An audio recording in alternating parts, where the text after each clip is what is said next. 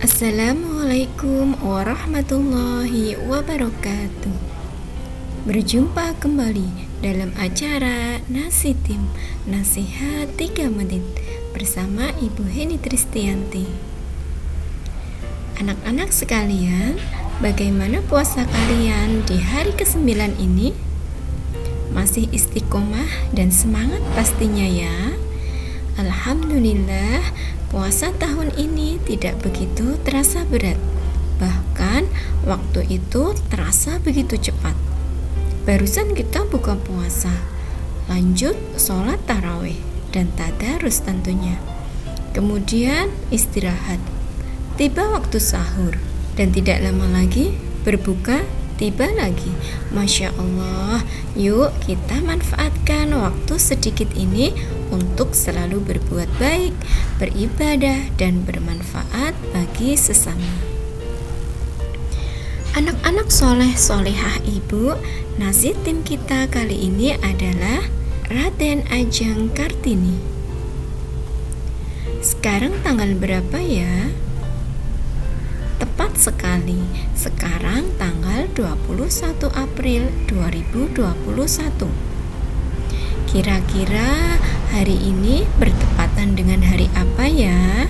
Ada yang bisa bantu jawab? Hari ini adalah peringatan Hari Raden Ajeng Kartini. Kalian pasti kenal beliau ya. Beliau adalah sosok pejuang wanita yang hebat, tangguh, kuat, optimis, juga pemberani. Beliau nih yang memperjuangkan kaum wanita untuk mendapatkan hak-haknya. Bahkan kalian yang khususnya wanita sekarang bisa bersekolah ya karena jasa beliau. Sebelum perjuangan Raden Ajeng Kartini, wanita tidak boleh banyak berkiprah loh. Tidak boleh sekolah, tidak boleh berorganisasi, tidak boleh berpendapat, dan mereka hanya boleh di rumah saja. Astagfirullahaladzim. Nah, berkat jasa beliau, kita selaku kaum hawa atau wanita bisa sekolah, bisa organisasi, bisa menjadi pemimpin, bisa berkarya, berinovasi, bahkan bisa bekerja. Subhanallah. Besar sekali ya jasa beliau. Untuk itu, sebagai rasa syukur dan terima kasih, kita sebagai kaum Hawa hendaknya meneruskan perjuangan beliau. Dengan cara apa kira-kira? Ya dengan cara mencontoh keteladanan beliau tentunya.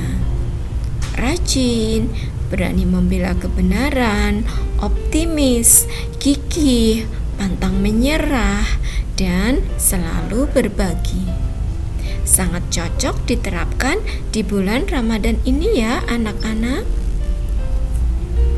Kita ya bisa puasa dengan gigi, optimis, pantang menyerah, berani dan tentunya istiqomah sampai nanti di hari kemenangan.